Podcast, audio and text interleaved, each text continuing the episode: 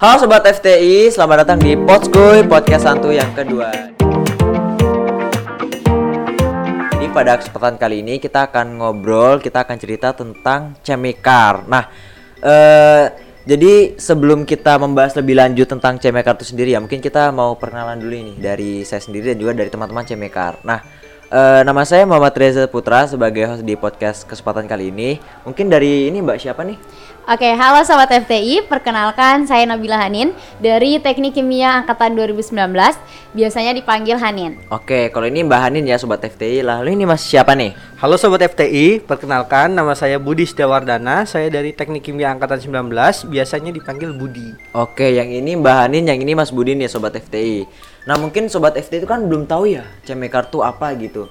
Boleh mungkin boleh dijelasin nih eh, secara generalnya Cemekar tuh seperti apa? Oke, jadi Cemekar itu adalah kelompok studi di program studi Teknik Kimia. Nah, Cemekar ini tuh berfokus ke pembuatan prototipe mobil dengan bahan bakarnya itu reaksi kimia seperti itu. Wah berarti memang terfokus untuk membuat prototipe mobil ya dengan reaksi kimia seperti itu. Karena memang eh, prodi- program studinya juga teknik kimia Iya, ya. benar banget. Jadi memang harus ada Udah bagiannya gitu. Iya, Iya. benar sekali. Nah, mungkin eh, sudah dijelaskan nih se- secara generalnya ya tentang Cemekar sendiri. Mungkin boleh dijelaskan lebih spesifik lagi nih. Di Cemekar tuh ada tim lain nggak gitu di dalamnya seperti itu? Oke, mungkin dari Budi. Oke, dari Cemekar sendiri, di UAD sendiri tuh terbagi menjadi dua tim.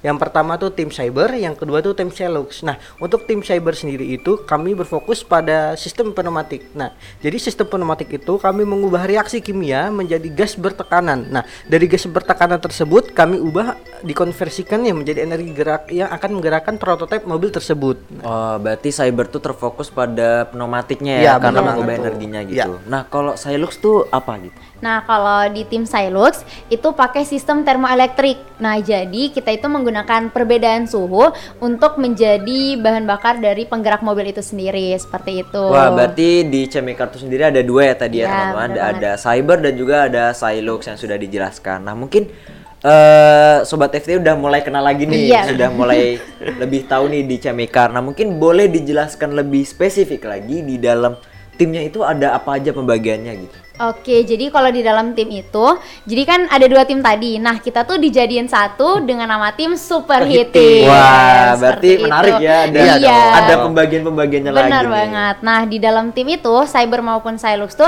ada tiga bagian. Yang pertama itu ada manajer atau leader dari tim, kemudian ada tim research, dan yang ketiga itu ada mechanical dan designer. Wah. Nah, gitu. Berarti dari super hit team mungkin dari ini ya berarti susunannya dari Cemika Ka. lalu ada Cyber dan Silux Iya. dan itu dinaungi di super, Super hit Hit team. Team. bener banget. banget. Ini banyak ya. Iya. nah, mungkin kan tadi udah jelaskan nih di, di- apa divisi-divisi per setiap timnya. Iya. Mungkin boleh dijelaskan lagi nih tugas mereka itu apa gitu. Oke, kalau untuk leader mungkin temen dari sobat-sobat FT ya. udah tahu lah ya, ketua gitu yang mempertanggungjawabkan eh, dalam satu tim, yang mengambil keputusan untuk satu tim juga. Terus eh, pertanggungjawaban dari kita ke general manager kita maupun ke advisor kita gitu. Terus eh, ada researcher. Nah, kalau researcher nih tim yang riset bahan baku kita, ya bahan baku bahan bakar kita. Bener banget tuh. Nah, jadi kan kalau di riset itu kita kan pakai eh, reaksi kimia nih. Nah, tim researcher ini yang nyari tahu nih kalau pakai reaksi ini gimana mobilnya, kalau pakai ini gimana. Nah, kayak gitu. Kemudian ada tim mechanical and design. Nah, jadi tim mechanical and design ini bertugas untuk merancang nih prototipe mobilnya. Jadi di mechanical design ini merancang dari awal. Mereka memperkirakan nih kira-kira mobilnya ini mau berbentuk seperti apa dan nanti itu mau menggunakan sistem apa dan bagaimana cara membuatnya itu dari mechanical and design. Nah, tim mechanical and design juga tuh bertugas untuk mempertahankan nih kualitas mobilnya agar performanya tuh tetap stabil seperti itu. Wah, berarti sangat terbagi ya tugas-tugasnya Iya. ya. Jadi ada eh, researcher sebagai penganalisa ya mungkin lebih detailnya. Lalu yang kedua ada eh, apa namanya? desain ya yang mengedesain mobil. Nah, mungkin kita udah ngebahas di internal CMIK sendiri. Nah, saat ini kita mau ngebahas tentang eventnya nih, event lomba dari CMIK itu sendiri. Nah, eh pada Mei bulan lalu ya, pada beberapa bulan yang lalu Cemikar tuh alhamdulillah menang ya, Ya, pada alhamdulillah. pada event ICRCC CC. 2022 yang diselenggarakan di ITS. ITS. Nah, mungkin eh, boleh diceritain, boleh sharing nih. eh, kenapa Cemikar ikut di ICRCC 2022? Oke, sebenarnya sebelum ICRCC 2022 kita juga di tahun ini ngikut di PGDUI, PGDUI ya, benar 2022. Nah, terus eh, kenapa nih kita ngikut setelah udah ngikut ngikut lagi gitu kan di perlombaan ini. Nah, jadi ICRCC 2022 ini merupakan salah satu ajang bergengsi Cem Ekar se-Indonesia. Jadi makanya itu kenapa kita tuh berlomba-lomba mempersiapkan diri kita maupun tim kita untuk ikut serta dalam eh, ICRCC 2022 ini. Nah, selain itu ICRCC ini tarafnya internasional. Nah, Iya. bahkan dari luar negeri pun ada yang mengikuti lomba Iya tersebut ya benar kemarin. banget. Jadi bukan cuman se Indonesia aja. gitu. Mancanegara pun ada gitu. Wah, berarti Cemikar nih basisnya adalah eh, internasional maupun nasional. Nasional, Iya, benar. iya, udah benar bukan banget. sudah bukan lagi internal Nah, gitu iya, ya. Memang benar. sudah basisnya bagus gitu ya. Iya. Nah, mungkin kan tadi diceritakan ada eh, FGDUI ya. PGDUI. PGDUI. Nah, itu dengan timeline yang singkat ya untuk dengan ICRCC 2022 nih. Iya, jadi kemarin tuh PGDU itu di bulan Maret, Maret ya? kalau nggak salah. ICRCC itu Di di, bulan, bulan Mei, Mei, gitu. Hanya berbeda dua bulan. Iya, ya. Wah, dengan timeline segitu nih, teman-teman dari Cemekar sendiri itu gimana cara persiapannya? Eh, untuk persiapannya sendiri sudah pasti kami harus mempersiapkan performa kami juga ya, benar menjaga banget. kesehatan tentunya. Selain itu tuh idealnya nih untuk membuat mobil seperti ini prototipe ini membutuhkan waktu enam bulan. Nah akan tetapi kemarin karena sebelumnya kami menang ya, alhamdulillah di PGDUI, jadi l- mobilnya tuh tidak bisa digunakan kembali untuk lomba selanjutnya. Jadi kami harus mendesain ulang nih mobilnya. Nah berhubung karena ICRCC itu berdekatan juga ya jaraknya, jadi tuh kami mencoba tuh mempersingkat waktunya yang awalnya enam bulan menjadi sebulan aja itu persiapannya. Nah jadi ya kami bersama lah tim, namanya juga kerja tim ya. Jadi kami bersama-sama eh, untuk mendesainnya, untuk mempersiapkan semuanya lah seperti Benar itu. banget. Berarti dengan timeline segitu singkat gitu, berarti memang persiapannya harus lebih Iya, harus lebih maksimal, Maksimal ya. benar. Nah, tadi kan udah nih persiapannya. Mungkin kendalanya karena kita melihatnya tadi diceritakan di Sangat mepet, dari ya. Mas Budi itu mepet banget ya. Iya, Yang- benar. yang- dan yang biasanya enam bulan, bulan jadi satu bulan, dua bulan lah ya. Iya. Iya, nah benar. itu gimana? Kendalanya apa aja dari dari tim Cemekar sendiri? Oke, ya kita nggak bisa memungkiri ya pasti ada kendala Banyak apalagi eh, kita tuh waktunya juga kepotong sama puasa, Nah, bener lebaran. Jadi eh, memaksimalkan di satu bulan tuh kendalanya pasti ada mulai dari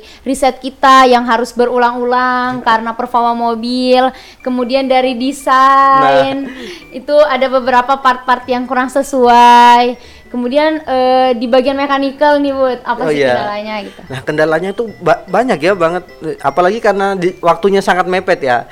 Nah kalau nggak salah ingat tuh beberapa hari nih sebelum lomba itu mobilnya tuh tiba-tiba ngambek gitu. Aduh. Jadi Iya. iya. mobil ini bisa ngambek loh. Nah, iya, jadi bukan hanya orang aja bisa ngambek, mobil juga bisa ngambek. Nah, gitu. Jadi mobilnya awalnya performanya nih udah stabil nih, mendekati hari lomba nih tiba-tiba mobilnya diem gitu, nggak bisa gerak gitu. Bener nah, jadi kami tuh dari tim desain dan and mechanical tuh berusaha nih mencari tahu apa nih yang buat mobil ini nih tidak bisa bergerak. Nah, alhamdulillah kami cepat mengetahui kerusakannya di mana sehingga bisa diganti. Iya, Seperti itu. Wah, berarti kendalanya cukup rumit juga ya. Iya, Karena benar. karena kita melihat ICRCC dengan PGDUI yaitu Iya, sangat mepet, mepet, ya. sekali jadi Iya. kendalanya sudah pasti maksimal dan rumit ya itu. nah, kita kan udah cerita nih kendalanya nih. Mungkin bolehlah sharing tentang pengalaman unik lah Oh. menjelang hari H lomba kan. Tadi soalnya katanya rumit dengan mobil yang Iya. ngambek. Nah, Iya. mungkin ada lagi nggak? Jadi mungkin kalau kan di kita ini ada dua bagian nih lombanya, ada race competition dan presentation. Nah, ada ke- ada kejadian uniknya tuh di tim presentation. Jadi itu hamin 30 menit Iya, benar, Pak. sebelum presentasi, Presentasi. itu eh, tim presentasi itu ada yang kekunci di toilet gitu. Jadi kita tuh udah panik, Panik banget, banget kan. ya. Udah mau dipanggil nih malah kekunci dan untungnya alhamdulillah ya eh, adalah salah satu eh, CS dari ya, UNEF gitu kan yang denger lah teman kita yang kekunci di toilet itu. Dan ya itu karena udah panik lagi persiapannya juga harus eh, dadakan lagi Iya, untuk bener. presentasi itu gitu. Mungkin dari Mas Budi?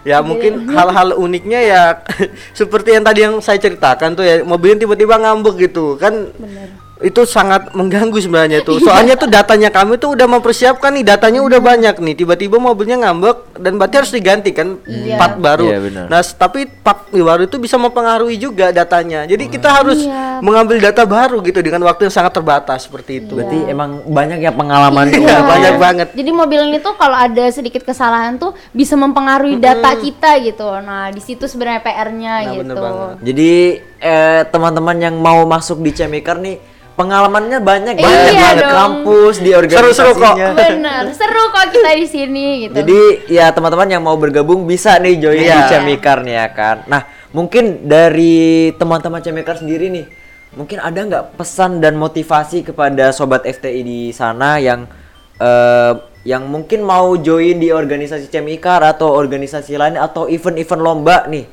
ada nggak nih? Oke, mungkin dari saya dulu ya. Oke, mungkin dari aku ya pesan buat teman-teman FTI ini yang pengen ikut lomba nih. Nah, untuk teman-teman FTI yang ikut lomba nih jangan khawatir nih. Misalkan nih teman-teman nih udah ikut organisasi dan pengen ikut lomba, jangan khawatir apa organisasi itu bisa menghalangi teman-teman untuk mengikuti lomba. Nah, malah organisasi itu bisa mendukung teman-teman ya. Iya benar banget. Ngelatih soft skill kita Nah, juga benar di banget, organisasi iya. itu bisa untuk eh, mengikuti lomba gitu. Jadi nggak ada alasan nih anak organisasi nggak bisa ikut lomba dan begitu pun sebaliknya nggak ada alasan anak yang suka ikut lomba nggak bisa ikut organisasi. Benar banget Mas Budi. Mungkin dari Mbak Hanin ada tambahan? Eh, mungkin kalau dari Hanin pribadi untuk sobat-sobat FTI ini jangan pernah takut untuk memulai Nah, gitu. Terus kalau misal eh, untuk info-info nih dari BEM sendiri ada dong untuk Nah. Ya, infonya tuh. untuk info-info lomba sendiri dari BEM tuh sudah mewadahi ya. Setahu saya itu sudah ada info-info lombanya gitu dan sudah ada grup lombanya gitu. Jadi misalkan teman-teman nih pengen ikut lomba nih tapi bingung belum belum ada timnya. Nah, teman-teman nih bisa melapor aja nih ke Iptek BEM itu nanti akan dicoba bantu cari ya. Hmm, Nah, benar sekali. Jadi kalau teman-teman FTI yang ingin mengikuti lomba atau bingung gitu ya, Iya. lo cari lombanya tuh di mana sih? Mungkin bisa cek di eh, BEM FTI UAD 2022 dan ada grupnya juga ya. Iya, Jadi banget. selalu update lomba-lomba dan mungkin ada beasiswanya juga ya. Nah, bener. Jadi selalu update info lomba dan juga beasiswa yang ada di BEM FTI 2022. Nah, mungkin ada penutup nggak? Penutup untuk mengakhirinya nih. Oke, mungkin karena kita mewakili Cemekar Iya, nih. Nah, kita juga mau promosi untuk adik-adik sobat-sobat FTI, terutama angkatan 20, 20 dan dan 21. 21 ya. Nah, dari Cemekar tuh lagi buka internship batch 2. Nah. Mungkin kalau mau eh, lebih dalam lagi ngapain aja sih kita di Cemekar itu bisa gabung langsung di internship batch 2. Mungkin untuk info lebih lanjut bisa lihat di Instagram kita Cemekar UAD gitu. Nah, jadi teman-teman sobat FTI yang mau join di Cemekar mungkin bisa cek IG-nya ya, Iya, karena akan ada internship batch Batch kedua. dua. Oke, eh, mungkin itu aja podcast pada kali ini ya teman-teman. Eh, mungkin kita bakal ngobrol lagi lebih Iya. lanjut Iya, di eh, podcast-podcast lainnya. Selanjutnya. Podcast-podcast selanjutnya. Jadi stay tune terus di podcast eh, Santuy BMFTI 2022. Terima kasih. Wassalamualaikum warahmatullahi wabarakatuh.